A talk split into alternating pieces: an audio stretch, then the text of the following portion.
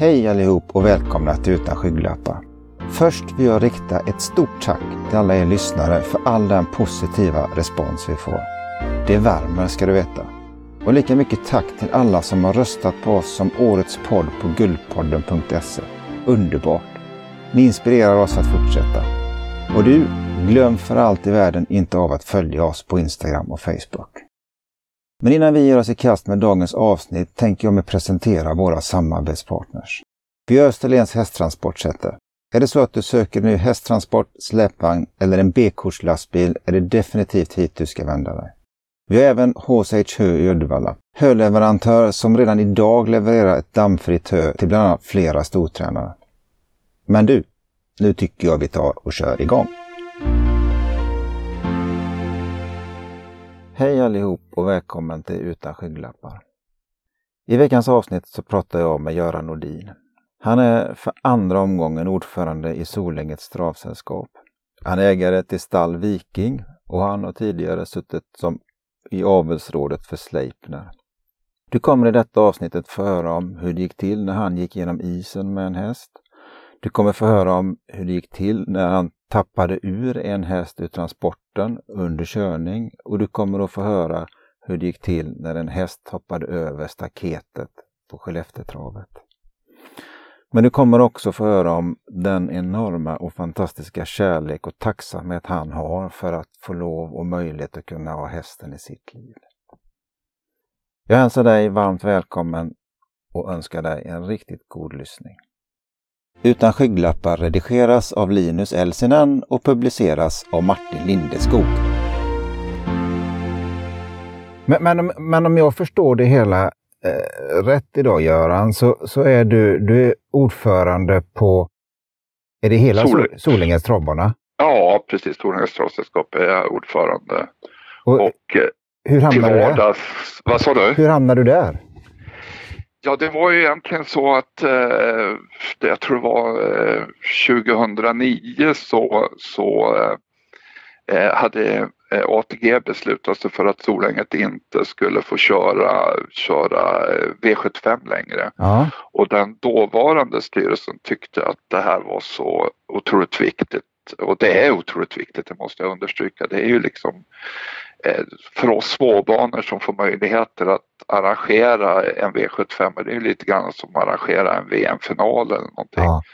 Och, och, har oerhört stor betydelse för, för våran ekonomi och allting sånt där. Men, men när ATG tog bort den möjligheten 2009 eh, då tyckte den dåvarande styrelsen att det här är inte meningsfullt längre. Vi kan inte, vi kan inte ta ansvar för, för banan så hela styrelsen avgick i okay. protest mot det här beslutet och jag förstår dem. Uh -huh. eh, och då tillsattes det en interimstyrelse och eh, jag blev då tillfrågad att, att få komma in.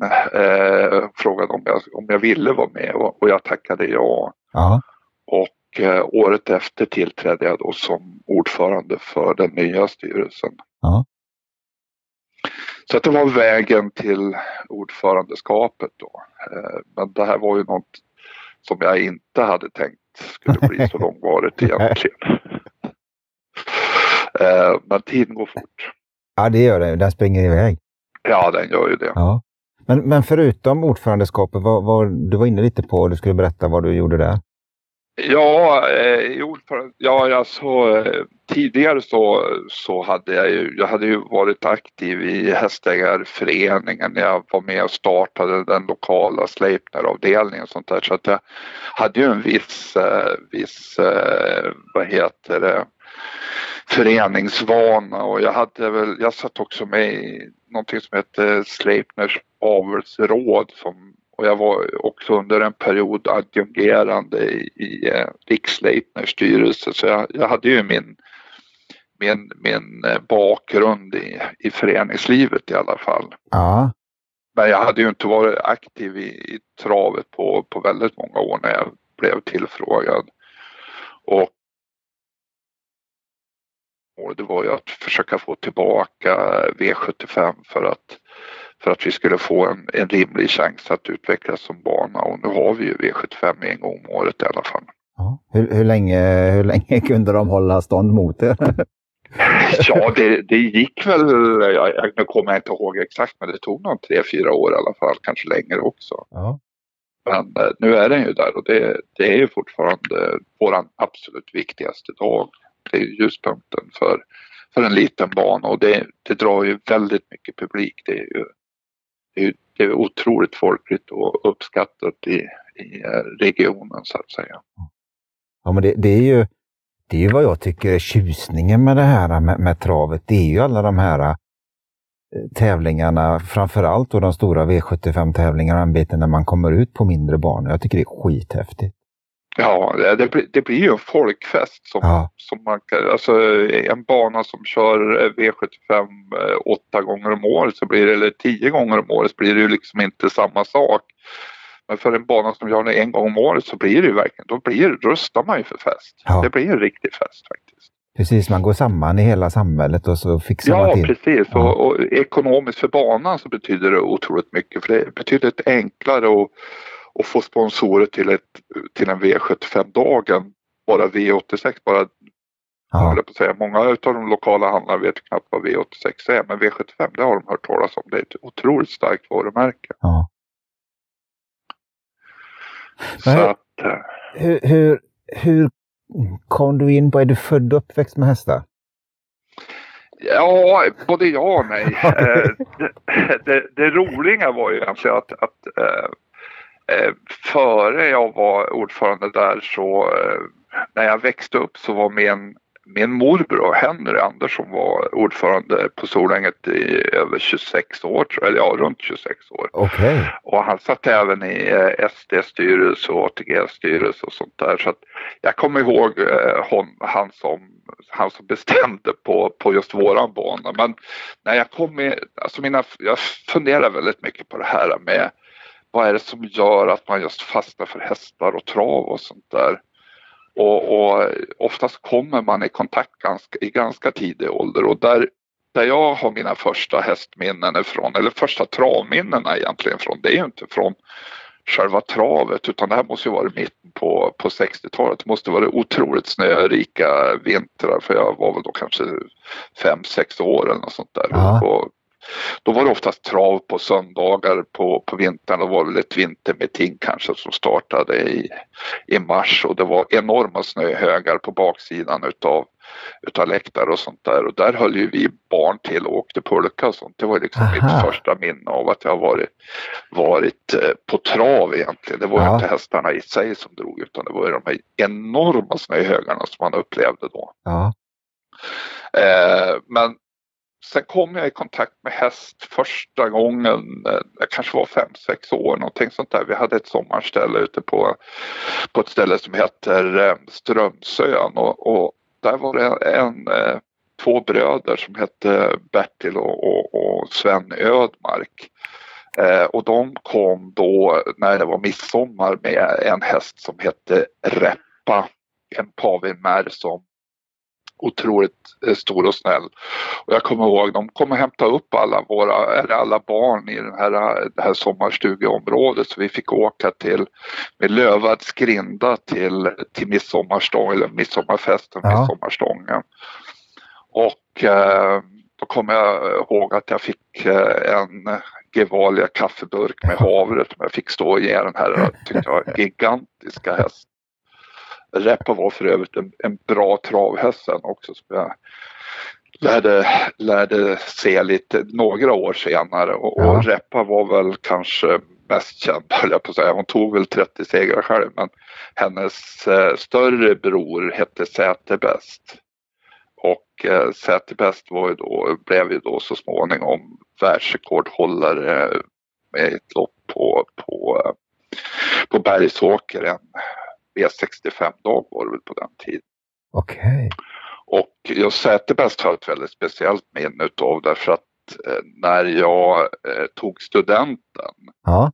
så var Bertil, Bertil Ödmark där med Säterbäst. Det var alltså 79, han hade ju då satt världsrekordet året innan.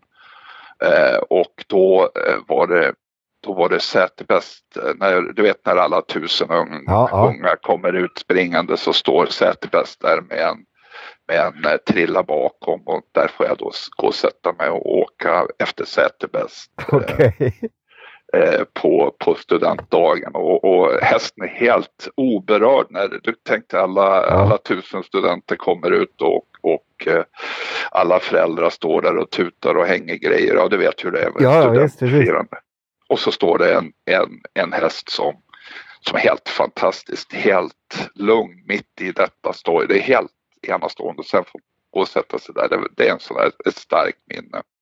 Men det, det, sattes, det sattes egentligen nivån med en gång då? För att ja, all, all, det kanske man, alla... kanske man kan säga. Men, men som sagt jag, jag var kär i hästar långt tidigare. Ja. Alltså, travet kom ju väldigt, väldigt tidigt in i, i livet och det var ju, det var ju framförallt farsan som, jag vet inte, han, det var väl hans andningshål att åka på, på trav med sina kompisar. Det var ju, tillhörde ju liksom vuxenlivet. Det var ju de som for på trav, det var ju gubbar med keps på den tiden.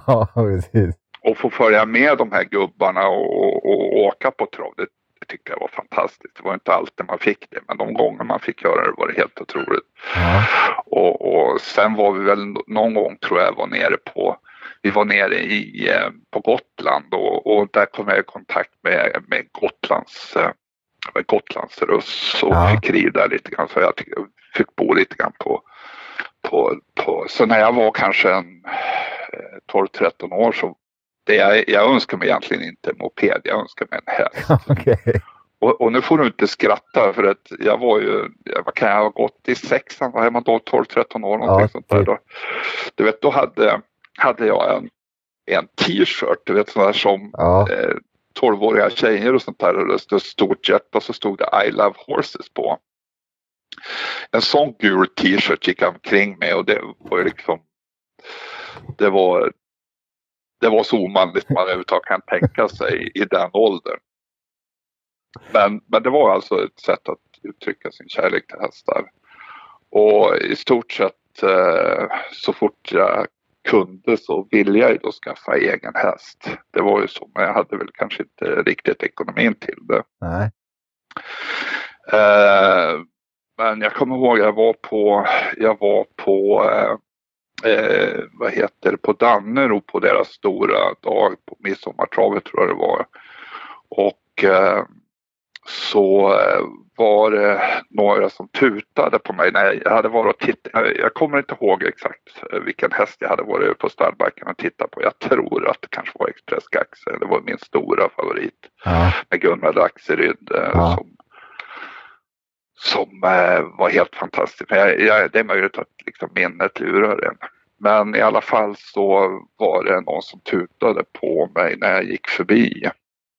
Och eh, det, blev, det var då någon tjej där som hette Eva-Britt som var hästintresserad och, och hon, eh, hon förde mig in i travet så att säga och vi gifte oss då eh, fyra år senare. Okej. Okay. Hon är inte min nuvarande fru. Nej, men det, det, var en, det var en tutning på en travbana som ledde till ett äktenskap som varade eh, i 20 år lite drygt. Uh-huh. Så att eh, det var där vi började då och det första vi gjorde då eh, det var att vi, vi köpte häst naturligtvis. Hon kunde allt om hästar så hon lärde mig så mycket hon kunde uh-huh. om, om hästarna och eh, vi köpte våran första häst, då var det ju, jag tror det var 81, vi köpte ett, ett kallblod. Ja. Och eh, det fick, det fick eh, eh de, de konsekvenserna att vi köpte ett litet, eh, ett litet torp egentligen. Det var ju inget jordbruk i egentlig bemärkelse. Men vi byggde till, jag tror vi byggde tre, tre boxar något sånt där. Så var vi ju tvungna att att köpa några fler hästar och sånt där. Och varför, det vart ett, varför det vart ett kallblod det var därför att alla sa ja den första häst du köper den förstör du i alla fall. Så att eh, köp ett kallblod, det är mycket billigare. Okej. Okay. Eh, men jag, jag, tyckte väl inte att det var så där värst mycket billigare. Man hade väl inte så mycket lön på den tiden. Nej. Och det, det, det dyraste är ju inte heller köpet, det är ju alla kostnader Nej, absolut inte. Sen. Nej, och, men jag lurade väl med farsan att vara med på den där första hästen. Och, och det här intresset växte ju successivt allt mer. Ja. Eh, vi, innan vi hade köpt våran första häst så var vi ute och, och fick, fick eh, provade på och körde häst lite, lite varstans för att liksom Ja, det, jag kommer ihåg den första hästen jag körde. Då var jag hos eh, en som heter Kjell Elving och körde en häst som heter Plograns. Ja. Eh, det var den första hästen jag körde alldeles själv och det tyckte jag var en helt fantastisk upplevelse. Att, att liksom kunna kontrollera och sitta bakom och styra ett sånt där stort mäktigt djur med så mycket muskler och, Ja. och eh, få det här och det på något sätt så och det har jag funderat en del på. Hästar ger ju en Alltså när du kör häst, det är en meditativ känsla. Du måste ha total närvaro. Ja. Det, det är någon som säger att fiske, eh, yoga och köra häst är ungefär samma, samma effekt på, på den mänskliga, mänskliga hjärnan.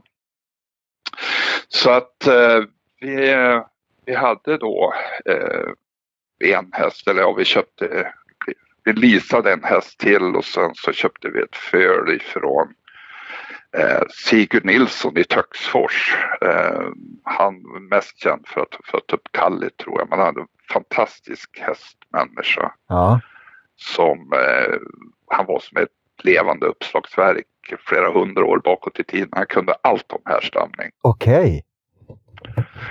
Så att eh, han hade jag väldigt mycket kontakt med. Så första, den andra hästen var en fölunge som jag köpte från Sigurd Nilsson. Det vart inte det just någonting till av den hästen och sen så leasade jag en häst utav han också.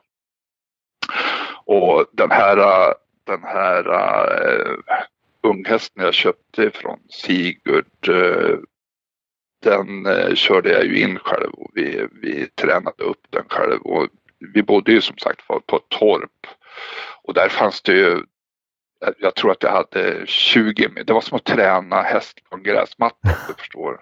Det var, ja, men det var ju så. Jag hade eh, kanske 100, 100 meter gånger 20 meter. Det var det jag hade att träna på. Det var liksom, det, det var liksom nästan, ja det var som att träna på en gräsmatta. Det, var, det är som att springa ett hältprov hos veterinären ungefär. Ja, precis, knappt. Så att, eh, och det man försökte sig på då, det var ju att man längtade ju efter vintrarna så att isarna skulle Ja. lägga sig och man skulle kunna kunna, eh, vad heter det, börja träna på isen och sånt där. Och Ja. ett år, eh, jag var ju ung och dum, ett år, jag hade varit ute och provborrat isen Ja. Och, och eh, testat av. Så jag tyckte väl att det där skulle inte vara något problem att köra på den isen. Jag, jag var ju ivrig att få Ja, ja, det är komma klart. igång och träna där.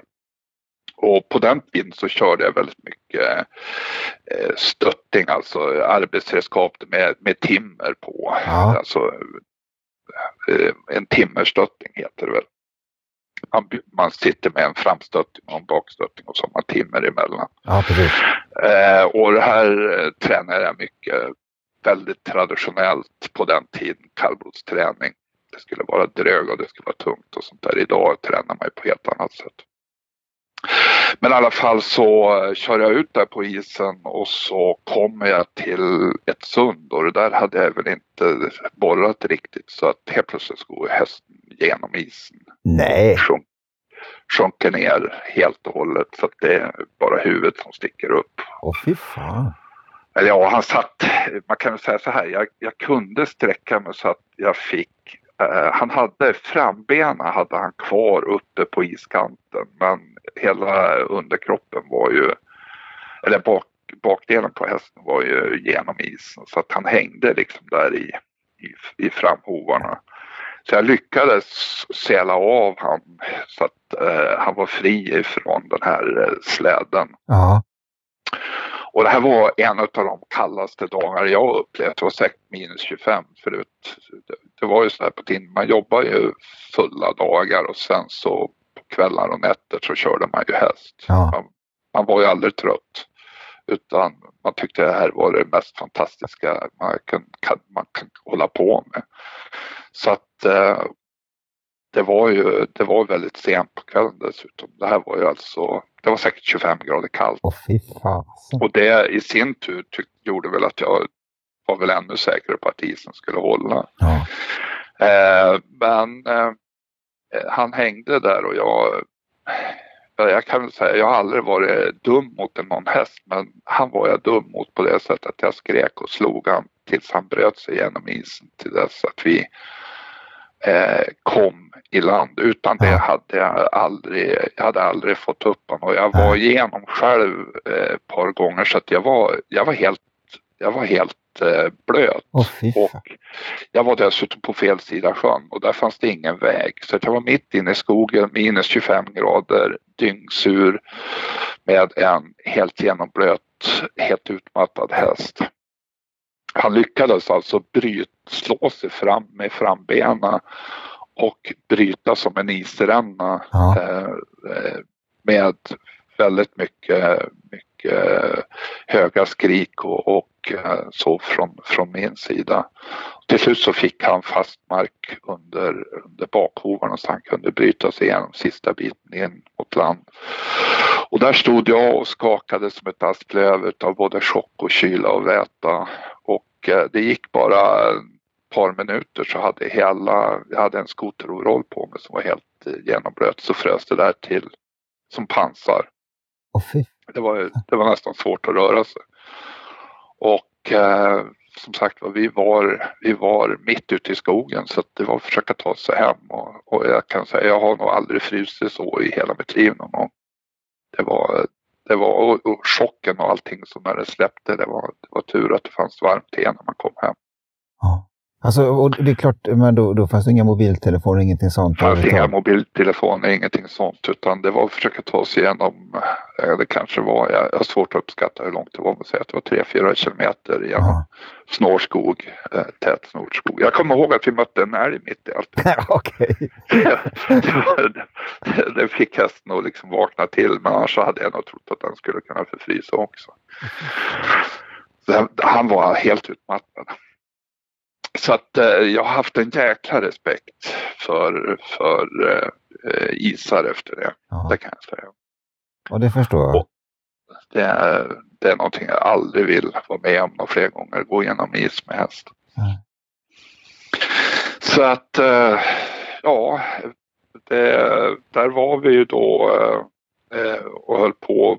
Sen den här första hästen vi köpte det var ju ett sto och eh, eh, henne betäckte vi ju då. Hon var jättesvår att få direkt. Vi, jag tror hon betäckte hon två eller tre. Jag tror vi var inne på fjärde året faktiskt. Innan vi fick henne direkt. För att eh, det hade, den första hingsten vi betäckte med hade väl någon form av det hette det SEM, CEM, en, Ja. en typ av könssjukdom som gjorde som kunde påverka dräktighet. Okej. Och eh, jag hade en, en väldigt duktig veterinär som, som hjälpte mig igenom det här. Så till slut så fick jag hon direkt med en hingst som hette Paviol och eh, på biograferna så gick det en film som hette Amadeus. Och vi döpte den här hästen, den första uppfödningen då, till Amadeus Viking. Okej. För Viking, då hade, vi, då hade vi beslutat att vi skulle satsa på det här med trav eh, helhjärtat och att det inte längre skulle vara en hobby utan det skulle vara, det skulle vara en affärsverksamhet, en rörelse. Så att, eh, när, när vi drog igång det här och började med uppfödning så kommer all, kom alla våra hästar att då heta Viking Ja. i efternamn. Så att Amadeus Viking föddes där och han tyckte jag var den vackraste, vackraste föl som någonsin har fötts. Eh, Det tycker väl alla uppfödare om alla föl, men han, han var något speciellt. Eh, Jag brukar säga, jag, jag har haft rätt många hästar genom åren. Och, eh, men jag har haft två hästar som kan räkna tredjegradsekvationer. Okej. Och han, han, han var en utav dem. Och ja, vad han inte gjorde och gjorde för mig, det, det, vi, vi vart ju liksom ett par. Vi tillbringade så pass mycket tid tillsammans och i och med att det är den första uppfödningen Ja. Eh, och det är lite märkligt med det här, du vet att man slutar ju normalt sett att betäcka någon gång i slutet av juli. Eh, för annars blir ju fölen så sent födda. Ja. Men eh, Amadeus mamma betäckte vi in i september. Jag tror att vi var framme i mitten av september så att det var ju liksom, han föddes i augusti. Okej. Okay. Så det är otroligt sent fött. Ja. Men det var ju liksom ett, det var ett efterlängtat före i alla fall. Och eh, jag vet inte vad som gjorde men han, han, han fick en speciell plats i mitt hjärta. Han, är, han föddes alltså 1987.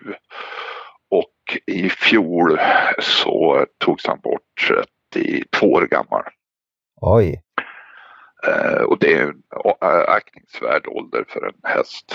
Ja. Eh, som sagt var, han, han hade allt som man kan begära. Och vi, eh, jag kommer ihåg en gång vi skulle, när han var två år, så skulle vi eh, vi hade ju beslutat oss att flytta från det här torpet för det fanns egentligen en utvecklingsmöjlighet eh, för att träna häst eller någonting annat egentligen. De där, den där gräsmattan höll liksom inte för att träna på så jäkla länge. Så, så vi hittade ett, ett lite större torp och vi var tvungna att flytta dit, eller jag var tvungen, vi, vi ville ju flytta dit, ja, otroligt ja. vackert beläget torp i, i en, en plats som heter Sidensjö. Låg otroligt vackert beläget. Och eh, vi hade ju då lyckats köpa det där och det här var en sån här dag då vet allting strular, allting är sådär otroligt stressat, det är mycket på jobbet och jag hade en kompis, eh, han hade, han hade fått en älg trafikdödad och han frågade om jag ville ta hand om köttet. Ja, sa jag, ja tack, jag fixar det. och, och eh, eh, vi hade vi skulle få tillträde till det här, till det här stället eh, med nycklar. Vi var på banken och gjorde upp och så skulle jag, och sen hade vi beslutat att vi skulle släppa de här unghingstarna på bete också. Så han som hade det här älgköttet han skulle ta sin hingst och, och köra till ett bete och jag skulle komma efteråt och när jag hade varit upp till det här ny, nyköpta huset för vi var ju tvungna att sätta på frys och sånt där. Ja. Och, och jag hade ju bråttom. Det, det ska man inte ha när man håller på med hästar och inte med Amadeus speciellt. För han, han kunde räkna ut både det ena och det andra. Och han, han var väl inte alltid så där lättlastad på, på hästtransporten och han var inte heller alltid så att han stod så där jättestilla utan han stod gärna och slog med ett framben och sådär. Eh, så vi hade, vi hade helt, eh, vi hade, vi hade köttet i, i bilen och, och Eh, lastade hästen på hästtransporten. Och så skulle vi upp och, och köra igång frysen i det här nyinköpta huset. Första, första eh, gången vi, vi verkligen skulle komma in och bara känna oss hemma. Vi hade ja, inte flyttat ja. möbler eller något sånt. Och jag kör fort. Jag kör för fort för att man ska få få eh, möjligheter att eh, behålla körkortet, höll jag på att säga. Nej, men det var, det var för fort med en hästtransport. Kanske körde 90 eller 100 för att vi skulle hinna allting. Ja. Nu är det här preskriberat så det är ingen idé att någon polis kommer och försöker få tag I alla fall så eh, kommer vi fram och min dåvarande fru går ner mot huset. Jag sitter kvar i bilen och, och hon eh, går ner då för att eh, köra igång frysen. Jag tänkte, äh, han står där. Jag, jag rafsar ihop lite eh, grönt gräs åt honom. Jag river av lite grönt gräs här som står i vägkanten och så går jag och ger in ger han det här gröna gräset. Så jag öppnar eh, framluckan på hästtransporten och sträcker in den här vackra buketten till hästen. och så tittar jag det står ingen häst där.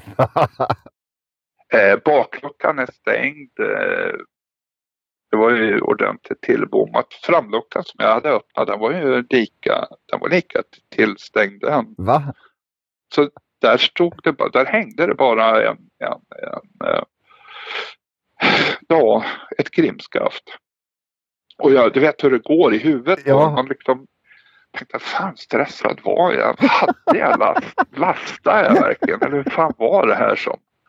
Eh, och, och eh, tänkte, så jag, jag, titt, jag kom på mig själv att jag står och tittar upp under taket på hästtransporten ungefär som du tänker man söker efter en ballong eller något sånt där. Som har, det var bara det att det här var ju en tvåårshingst. Han skulle ju inte kunna sväva även om han hade kolik om du förstår vad jag menar. Så att jag, jag, jag liksom försöker, gärna försöker koppla så att jag skriker till, till min fru att det är ingen häst i hästburet och jag brukar ju skämta med okay. hon, hon negligerar mig totalt. Jag, jag tar i från, alltså jag känner ju paniken gripa tag och så vrålar jag allt vad jag kan. Det är ingen häst i, häst, i hästtransporten vrålar jag och jag, hon svarar ju så lakoniskt. Jag säger, skämtar du med mig slår jag ihjäl dig, säger hon. Bara. Hon, hon, går fram och så konstaterar hon ju också att, att, att hästen är ju inte där.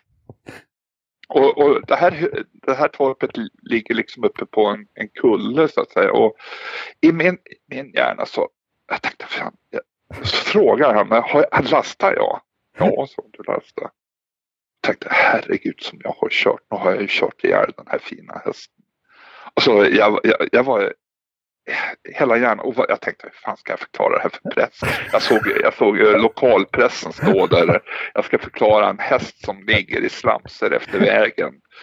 Och, och, och jag som är ordförande för Sleipner ungefär. Förstår du? Det, paniken var ju total. Hela hjärnan var blockerad. Och jag sätter mig och så eh, får jag ju bråttom. Kör ner för den här kullen på en grusväg ner. Och eh, som sagt, jag ser ju framför mig alltså, en totalt söndertrasad häst. Och så säger min fru så här. Det står en häst där ute på ängen. Eh, Jaha, säger jag. Jag, jag sket väl i det. Jag, jag fortsätter att köra. Så, då rycker hon tag i armen. Det stod ingen häst när vi körde hit, säger hon. Nähä, sa jag. Jag fortsätter att köra. Du, han står där ute på ängen. Då, då, alltså, hon var tvungen att säga det tre gånger för att jag skulle stanna. Och mycket riktigt, där ute på ängen stod eh, Amadeus Viking. Och, och eh, så jag går dit, eh, jag kan säga att nedanför då, nere på, nedanför den här kullen så var det alltså en, en mjölkbonde som hade massa kor som han skulle ta in för kvällsmjölkning. Ja.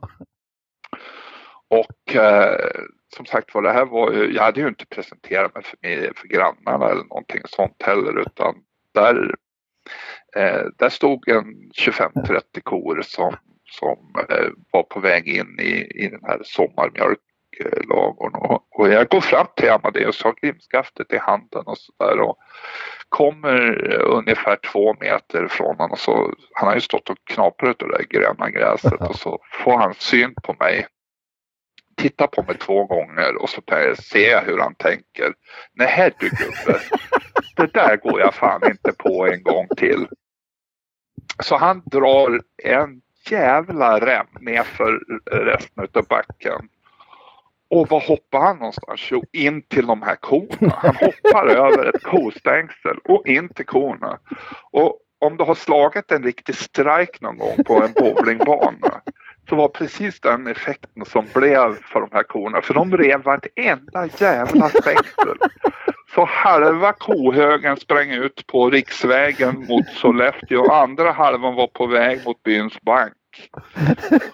Och, och utifrån den här mjölkkammaren så kommer en, en lite äldre dam. Det här var ju alltså min närmaste grannes mamma. Han, hon skulle alltså plocka in nästa gäng kor för mjölkning.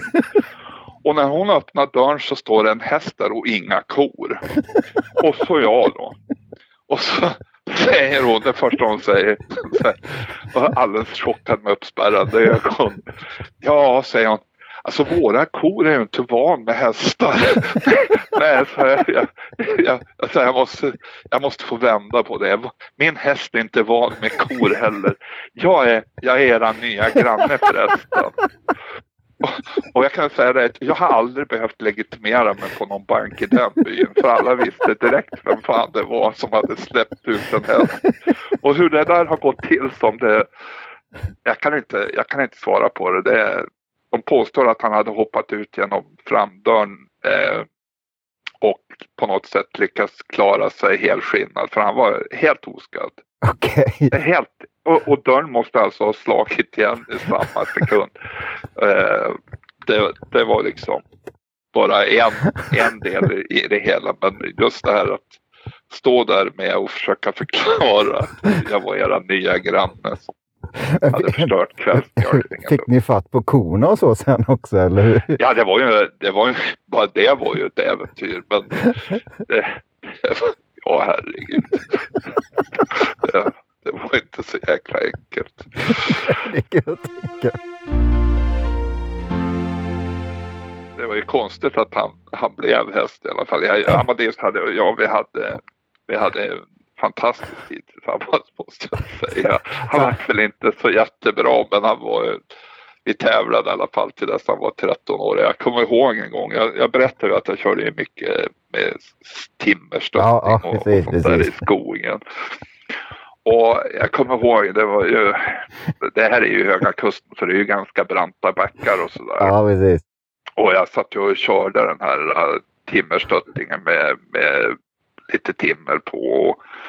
Det var ju en jävla brant eh, backe som dessutom svängde i kurvor och sånt här. Ja. Och eh, det är ju viktigt att man, för det som, man har ju ett par skacklar fram då som fungerar när man kör sådär tunga lass. Så är det ju meningen att eh, framdelen på, på eh, det här eh, på det här eh, ekipaget ska gå upp och så trycker den som ner järnklackar på skacklorna så att det fungerar som en broms. Så ja. man hjälper till att bromsa hästen. Ja.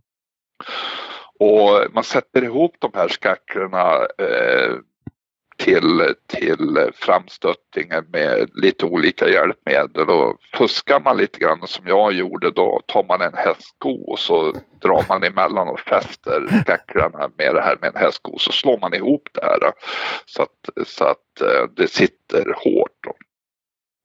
Det är bara det att kör man tillräckligt länge så, så finns det en risk att den här hästskon liksom böjs lite grann och så till slut så ligger det här öppet.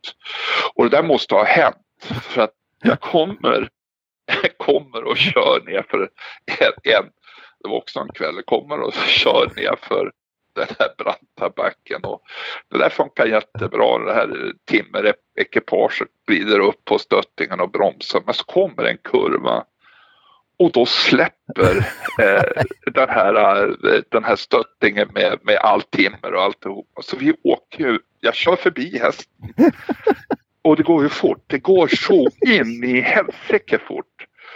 Så att jag åker rådel ner för den här banan på det här timmerekipaget. Och jag har en häst som står och tittar på mig. Jag, till slut så kommer jag in i en snödriva där det bara yr ju snö. Och, och 40 meter längre upp i backen så står det en konfunderad häst. Som, han gör absolut ingenting, han blir inte rädd eller någonting. Han bara, han bara tokstirrar på mig och säger ungefär som, men hörru du, det där hade du nog inte räknat med. Va? Så att uh, Amadeus och jag, vi, vi fick uppleva väldigt mycket olika saker tillsammans. så han, det är så att den första, första uppfödningen har väl kanske Eh, för de flesta en lite speciell plats i hjärtat. Precis som den första segern.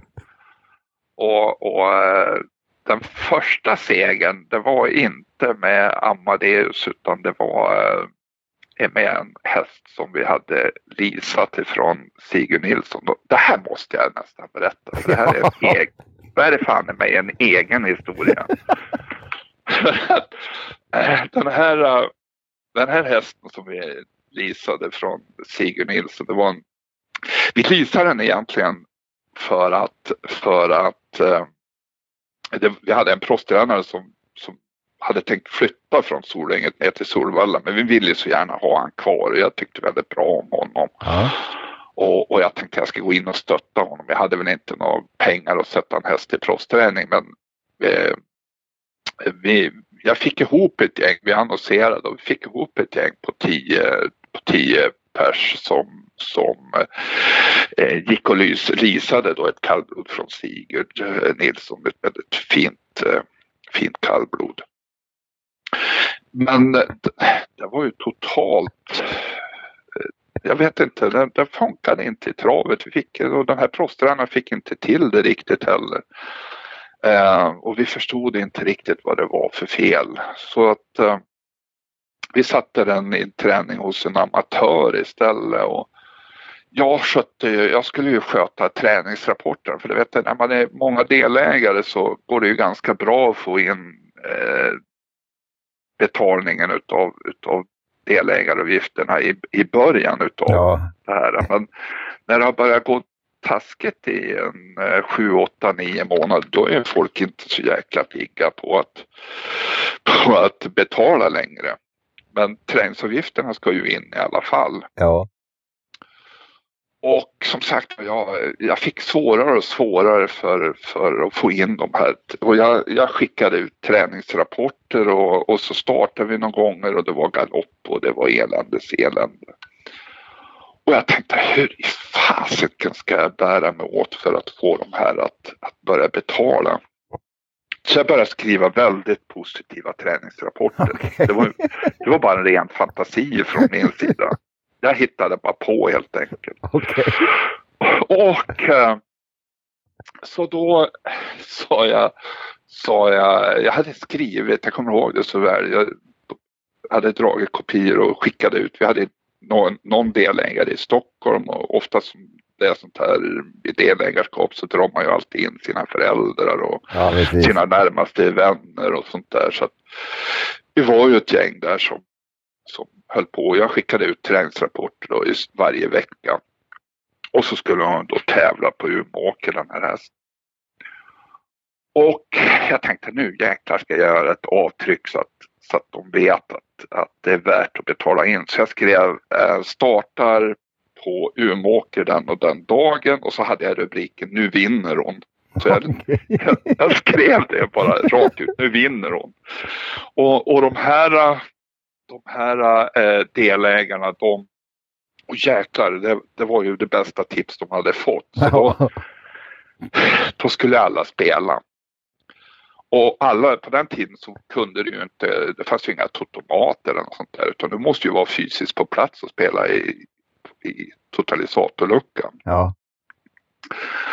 Så de skickade, totalt så skickade man in nästan 2000 kronor, alltså 1000 kronor vinnare, 1000 kronor plats. Och jag, jag tänkte fan, hon är ju totalt chanslös. Jag tänkte jag behåller de här pengarna själv. så att jag har, jag, har, jag, har täckning på, jag har täckning för träningsavgifterna.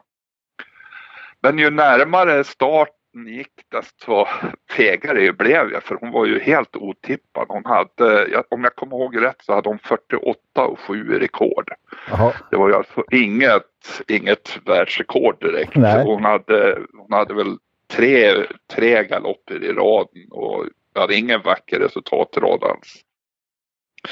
Och ju närmare start kom desto fegare blev jag ju. Så tänkte jag, jag törs inte boka de här 2000. Så att jag skickade de här pengarna på spelet. Och vi, jag vet fortfarande inte vad som hände. Men hon fick en Liders knäpp, knäpp och vann med hela upploppet och gav 28 gånger pengarna. Okay. Jag har ingen, och, och, hon startade veckan efter och var lika dålig som hon hade varit eh, hela tiden. Så hon tog en seger i sitt liv och, och efter några starter till så avvecklade vi alltihopa. Men under den här perioden så hade jag då inga problem att få in träningsavgifterna i alla fall. Det var, liksom, det låter som en spelkupp men det var, det var alltså inte det utan det var ett sätt för mig att försöka få, få in träningsavgifterna. Så att, eh, ja det var helt enkelt. Vet de här delägarna om historien? Eller är det ett skop som kommer här och nu? Eller? Nej, det är ett skop. Det är, det är den första. Jag hade tänkt boka. Jag är fruktansvärt glad att, att det blev ett spel, att jag inte tog pengarna i egen ja.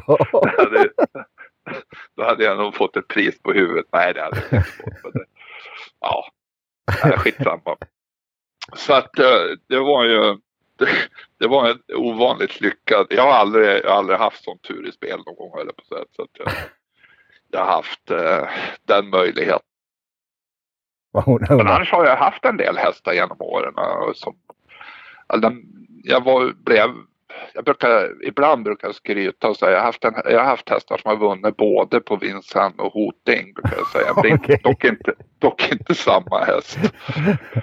Så att, eh, men det har varit, det har varit ett intressant liv med, med hästar. Och, jag, jag, som sagt var, hästar ger så otroligt mycket. Jag vet inte vad den har för inverkan på en. Det är, det är helt fascinerande. Att de har inverkan är helt, det är ju helt självklart. på, ibland då på gott och ont som vi kanske har hört. Men alltså att det, det på något sätt så är det, det är ju, när man väl är med dem, det är ju helt enormt alltså. Ja, ja, och jag, alltså på något sätt jag, jag påverkas psykiskt på ett sånt sätt. Jag, jag blir betydligt mycket lugnare, jag blir gladare, jag blir mer harmonisk det är liksom, hästar är bra för, för i vart fall för mig, ja. jag på att säga. Så att äh, det är väl, jag har haft så otroligt mycket intressant. Man får, jag vet inte vad det är runt travet dessutom som gör, alla tror att man har den bästa hästen så att säga, bara han får rätt chans och rätt möjlighet och allting. Och just den där optimismen, jag vet inte, det finns säkert något latinskt ord för sjuklig optimism.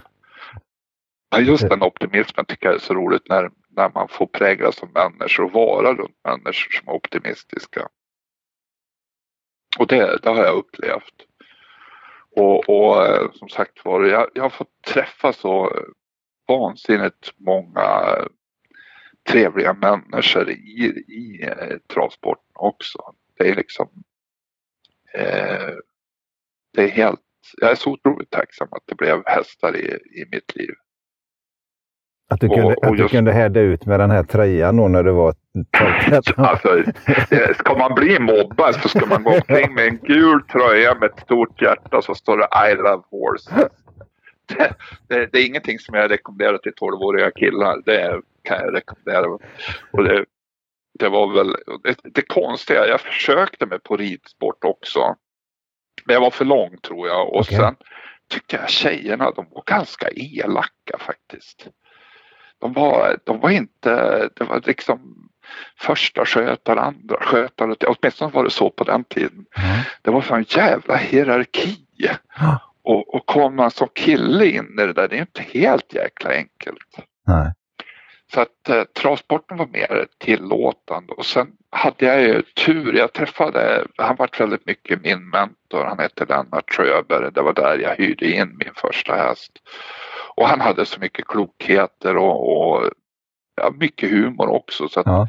han, han lärde mig det han kunde om hästar jag kan inte säga att jag, jag lärde mig, men han försökte lära ut. han, han, var, han var otroligt framgångsrik amatör på, på Solänget. Och jag måste säga att eh, den kunskapen och den glädjen att åka, inte bara häst utan gemenskap, till exempel att åka till Lennart och få ta del av hans eh, livskunskap och livsfilosofi och sånt där. Så det var nästan ett, som ett andra hem kan jag säga. Ja. Och, och sådär. Och vart, varför det vart kallblod också. Jag, tycker, jag har inte varit särskilt politiskt intresserad. Jag har aldrig varit, man brukar, man brukar säga att man ska vara revolutionär som ung. Ja.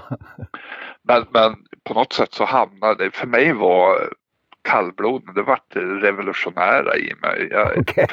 det, var, ja men det var mycket, jag upplevde väldigt mycket orättvisor mot just kallbloderna på det sättet att man försökte dra ner kallblodslopp och man försökte försvåra.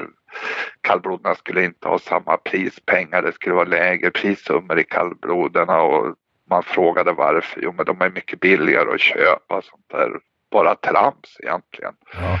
Och, och, då fick jag träffa en, en annan person som var, han var väldigt stridbar. Han hette Stig Norberg. Ja. han, var, han var ordförande för, för Sleipner under många år. Och eh, han var väl inte så bra i fredstid men han var en jävel när det var krig, det kan jag säga.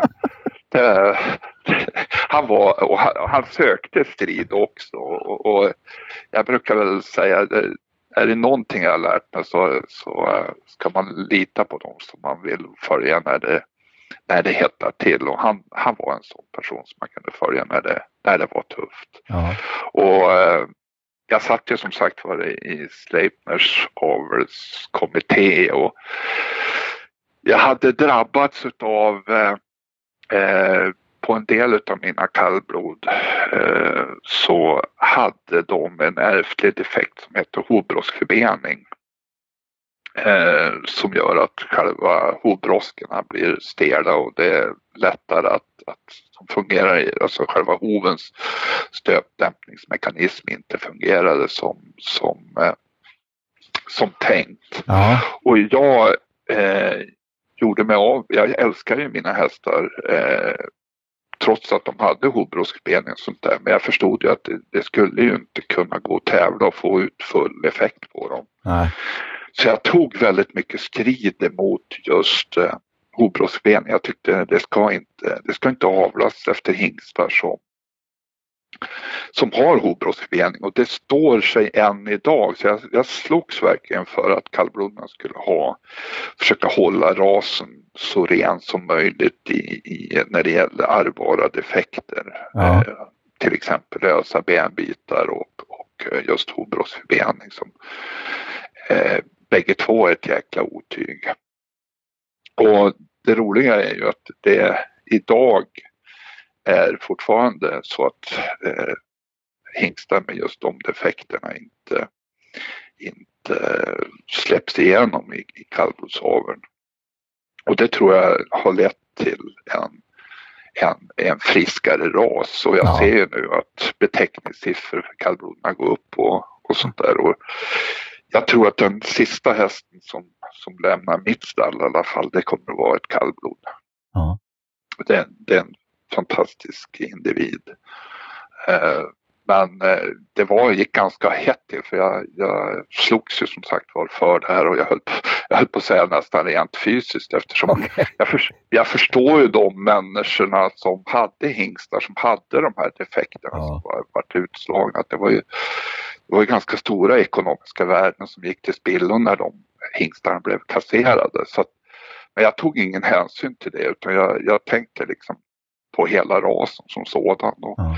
Jag kommer ihåg det, vi hade, det hade varit en, det var en ganska tuff debatt i, på en riksstämma för Sleipner. Eh, och eh, där jag skulle när jag skulle komma hem då eh, till hotellet så stod de här uppretade hingstägarna och skulle ge mig stryk. Nej.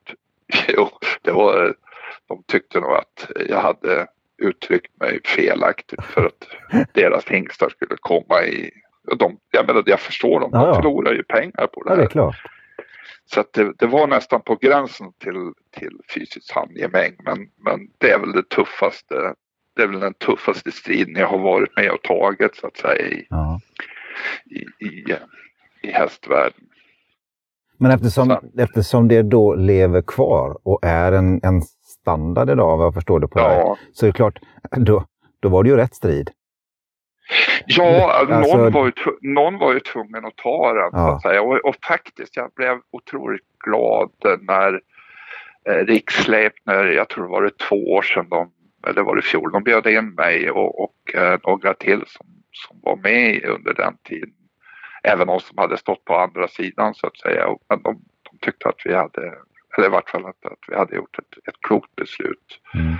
Eh, som som eh, försvarar det här och, och eh, man får tycka vad man vill men, men det, är nog med, det är nog svårt ändå med, med trav och travhästar att man ska behöva dras med med massa ärftliga defekter och jag har ju både varmblod och kallblod idag och jag ser ju vad det kostar att, att operera till exempel en lös benbit och det är inte säkert att det blir bra och hovbrosksrening är ju en, en, permanent permanent eh, skada som, eller åkomma som är, är väldigt svår. Oftast får du börja köra dem med speciella sjukbeslag och sånt där för att de ska kunna fungera fullt ut.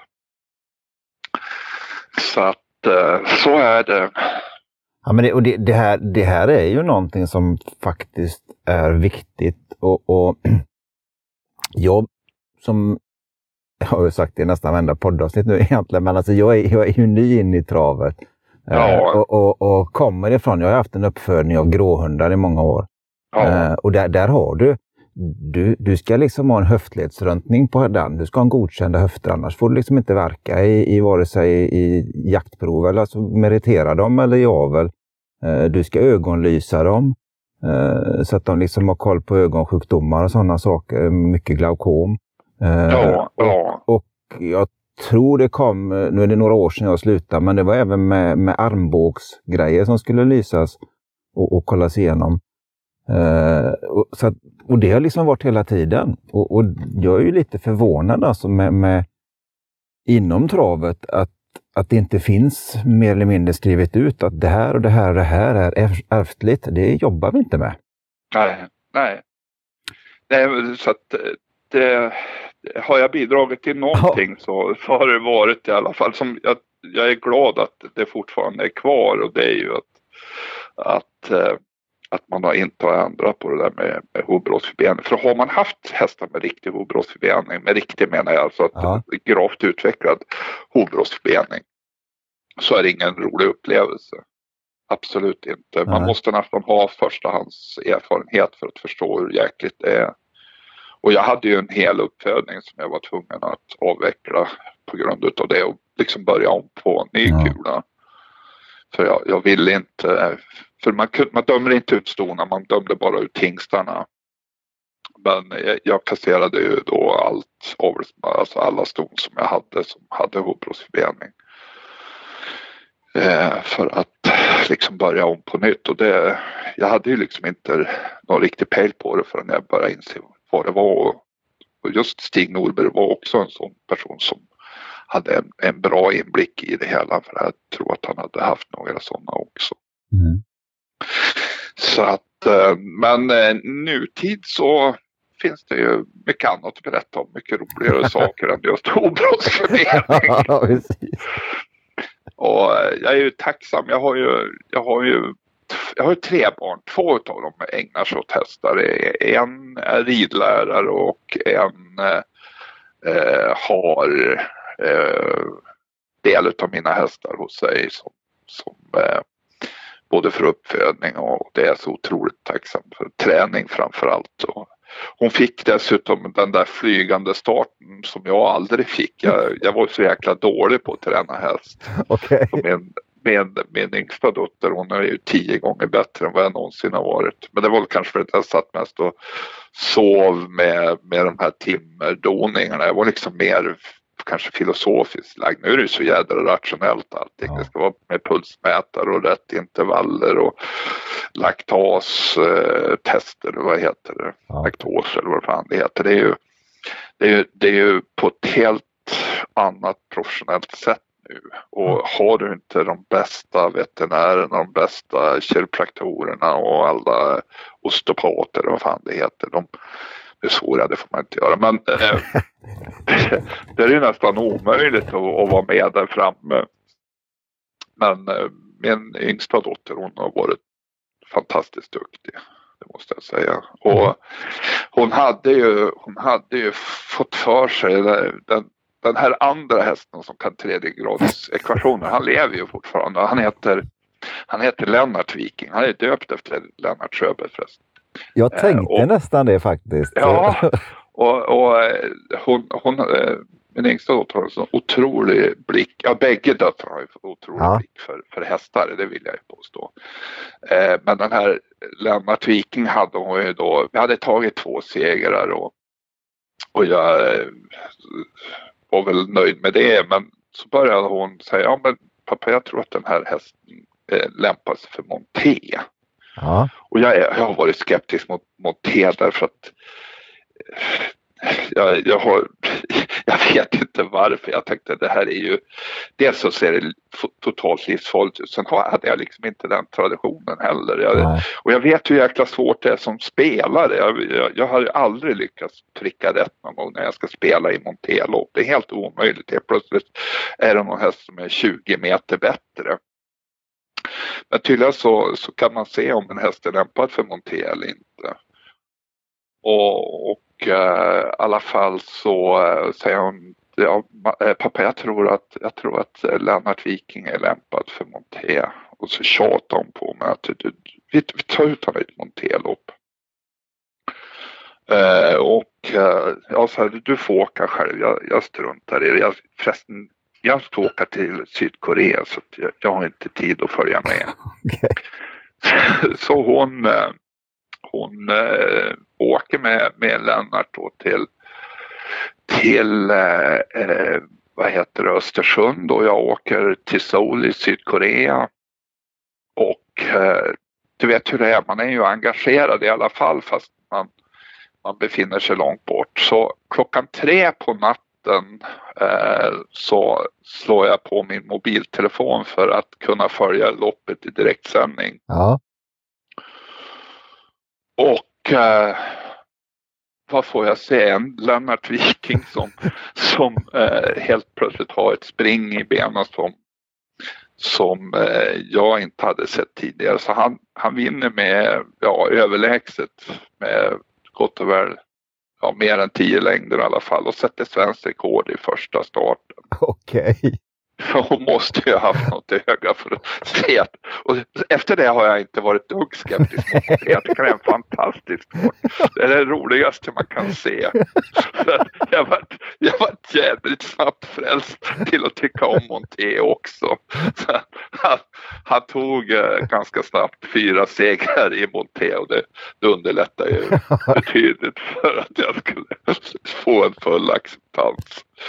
Och, och det här med att se hästar i mobilen, det, det är en jädra speciell upplevelse också. Jag ska, jag ska bara nämna en grej och det var vi hade ett varmblod som hette Kicking Viking, ett, ett, eh, en häst som egentligen, jag höll på att säga det, är en jungfrufödsel.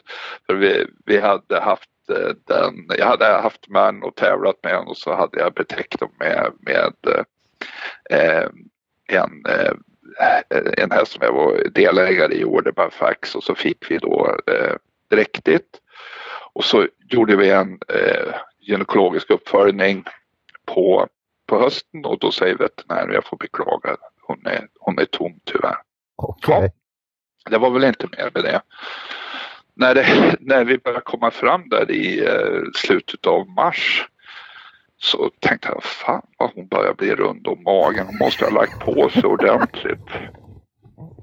Och så en dag så ligger ett föl där. ja, så vi fick ringa till veterinären då och, och säga att du vet den här människan som inte varit riktig, hon har fölar nu. det var, var inte som en jäkla... Men det, det var i alla fall en häst som heter Kicking Viking. Det var det jag skulle berätta om. Det var, jo, det var det här med att, att se lopp i telefon. Ja, precis. Ja, och eh, jag är i Mölndal på ett uppdrag och eh, eh, försöker skynda mig på så att jag ska kunna se det här loppet i mobiltelefonen. Min, min yngsta dotter Malin hon åker till, till Skellefteå med den här Kicking Viking. Och eh, eh, hon har en kompis som kör och jag ser loppet. Han får en bra position tror jag i andra eller tredje par ytter. Och när det är 600 meter kvar då ska han rycka tussarna ur öronen på hästen. Och samtidigt så krokar han i eh, det ekipage som ligger innanför så att hästen hamnar i 90 graders vinkel helt plötsligt. Det bara smäller till och eh, kusken eh, fastnar och eh, hästen skenar mot eh, mot staketet till full fart. Som tur är så släpper, släpper det han sitter i kusken och hästen kommer mot staketet och hoppar över staketet. med, med vagn och alltihopa. Det bara flyger över. Jag har aldrig sett något liknande. Uh, och, och, det otroliga är att kanske tio sekunder innan han hoppar över på exakt samma ställe så hade det stått en, en kvinna med en barnvagn.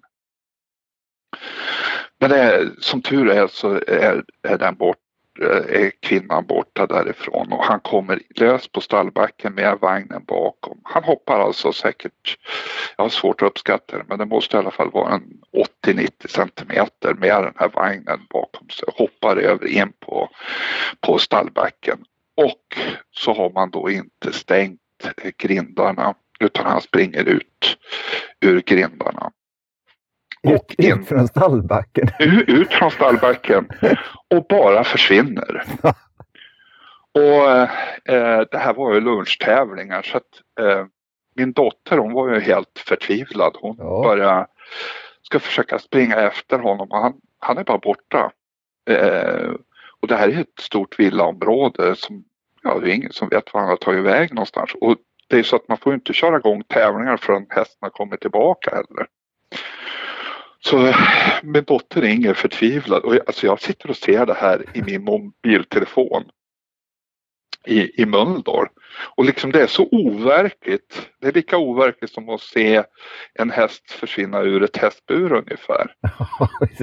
och, och, vi tittar på, vi tittar, eh, jag tittar på det här och så tänkte men var det där min häst? Vad hände nu? Ja. Och så går det någon minut och så ringer min dotter och säger jag, jag får ingen hjälp, Vi måste, jag måste hitta, kan du ringa polisen? Tänk om han springer ut på E4 och sånt där. Så jag ringer polisen och så säger de eh, jag säger vem jag är och så säger jag ja, eh, det har hänt en olycka på Skellefteåtravet och en häst har skenat utifrån stallbacken.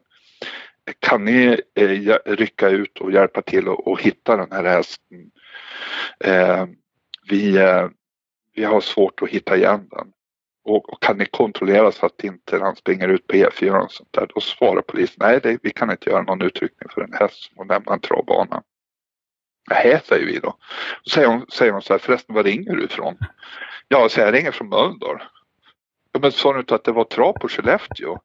Jo, sa jag, det, det är där han har sprungit ut. Det var lite förvirring där. Hon, hon förstod inte att jag satt och såg på loppet i Mölndal. Men att hästen hade hoppat ut genom ur, ur, eh, ut ur stallbacken på Skellefteå. Det var, hon hade lite svårt att, att ta in alltihopa tror jag. Ja. Det hade jag också. Men som tur var så hittade, hittade man igen hästen efter kanske en kvart, 20 minuter och sånt där och då kunde de ju köra igång tävlingarna. Och sen gick det väl en, gick det väl en eller två månader så var vi tillbaka där och eh, så det, då, det, gick, det gick bra med hästen? Ja, då? det gick bra. Det, vagnen var väl lite, det var väl inte mycket bevänt med, med den där vagnen efteråt. Så det var väl, det var väl att köpa, köpa en ny vagn för ja. den. Men, men äh, hästen klarade sig utan några skador och sånt där så att det gick jättebra. Jag tror att det var var det två månader senare så var vi tillbaka på Skellefteå och då vann han. Okej. Okay. Så att eh, då hade man skrivit i någon årsrevy, årskrönika där på Skellefteå, kallade han, eh, kallade Kicking Viking för hästen utan minne. Okay. det var ju tur att han inte hoppade om igen i alla fall, hoppade av en gång till. Så att ja, det, det är mycket, mycket med det jordiska. Ja, men då blir det ju en liten solskenshistoria över det i alla fall då. Ja, det var ju, det var ju, det är ju en sån där helt galen grej. Hur ofta tappar du en häst som springer, hoppar över staketet med vagn och allt. Jag har ju sett olyckor som, där hästar har sprungit igenom. Det har ju fått till och med tragiska konsekvenser ja. för, för häst så att säga. Och jag hade en jäkla tur att killen som körde klarade sig. Han hamnade på sjukhus men med en lättare hjärnskakning tror jag det var. Ja. Så att eh, nej, det har varit, det har varit en upp, det är ju en upplevelseindustri det här med, med, med trav och hästar egentligen. Och jag, jag har tapetserat hela min, ja, det låter som jag skryter, men jag har tapetserat med mitt kontor med, med segertavlor. För jag tycker det är roligt att bli påmind om det som, det som eh, har varit, varit framgångsrikt. Ja. Så det, att, äh, det, kan vi, det kan vi be, behöva egentligen av två orsaker nu, liksom att få den positiva minnen och sådana saker. Både dels ja, mitt, mitt i mörkaste vintern och sen också med, med den pandemin som härjar. Så att, Ja, absolut. Och när jag blir, alltså, man, man är ju ibland lite nedslagen. Blir, man, man, kan inte umgås med sina vänner. Man, man, man, man kanske ibland tvivlar på den häströrelse man driver och ja. sånt där och tänker, har, är det värt allt slit och alla pengar och alla sena nätter och allt det här och så går man och ställer sig framför en segertavla från Bjärke eller från Bollnäs eller från Östersund eller Solänge eller vad det nu än är någonstans från så jäklar vad kul det här var.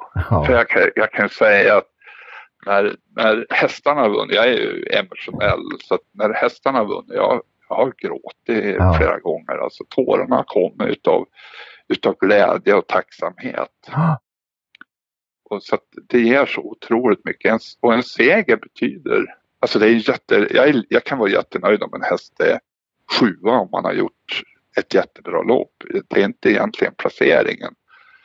Eh, men det är just segrarna som på något sätt är de här fantastiska.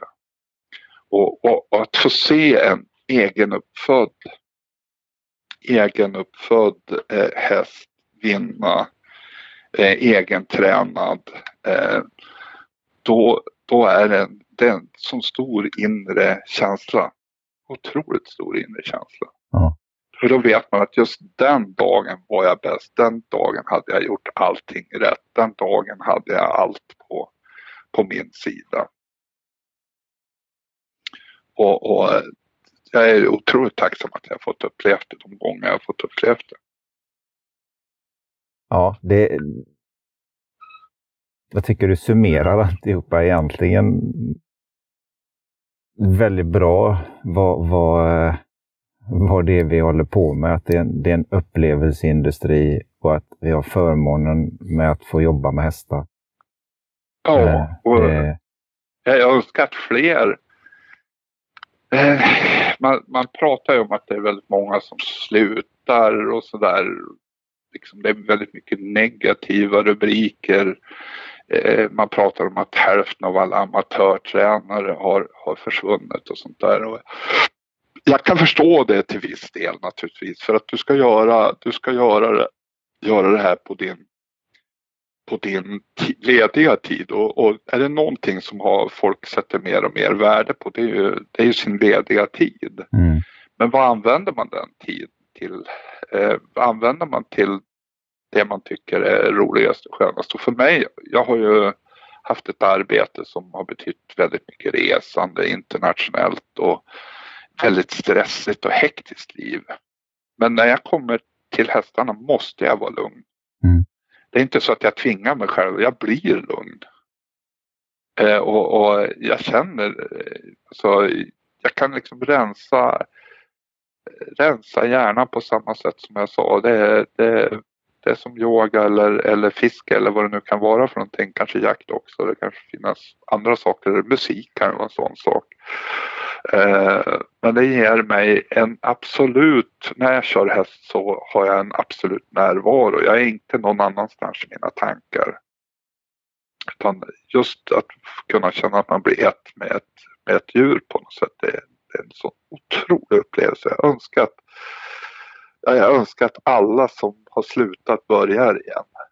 För att det måste vara värt det. det är, jag förstår att det kan vara svårt med, med tid och man har barn och allting sånt här. Men ta, ta den tiden. Jag, jag ångrar inte jag ångrar, nu har det gått så många år, jag ångrar inte de timmar jag har kört häst. Nej. Det är inte de timmarna jag ångrar av mitt liv om du förstår vad jag menar. Jag, jag, ångrar snarare att jag har kört för lite häst. Ja. Ändå har jag kört åtskilliga tusentals timmar. Jag önskar jag hade kanske kört ännu mer. Ja, det, det, det är en fantastisk känsla och jag kan säga att det har, det har varit en fantastisk känsla att få sitta och lyssna på dig här, Göran. Vilka historier och vilket, vilket liv. Eh, och eh, jag är jättetacksam för att, du, för att du ville ställa upp och vara med i, i Utan skygglappar. Ja, det var roligt. Ja. Roligt att, att få vara med. Dela med sig lite grann om allt man har fått vara med om. Ja, men det, ja, det, har, varit, eh, det har varit jättekul. Så att jag, jag, eh, jag tackar så jättemycket och önskar självklart all lycka till i framtiden. Tack så mycket. Tack.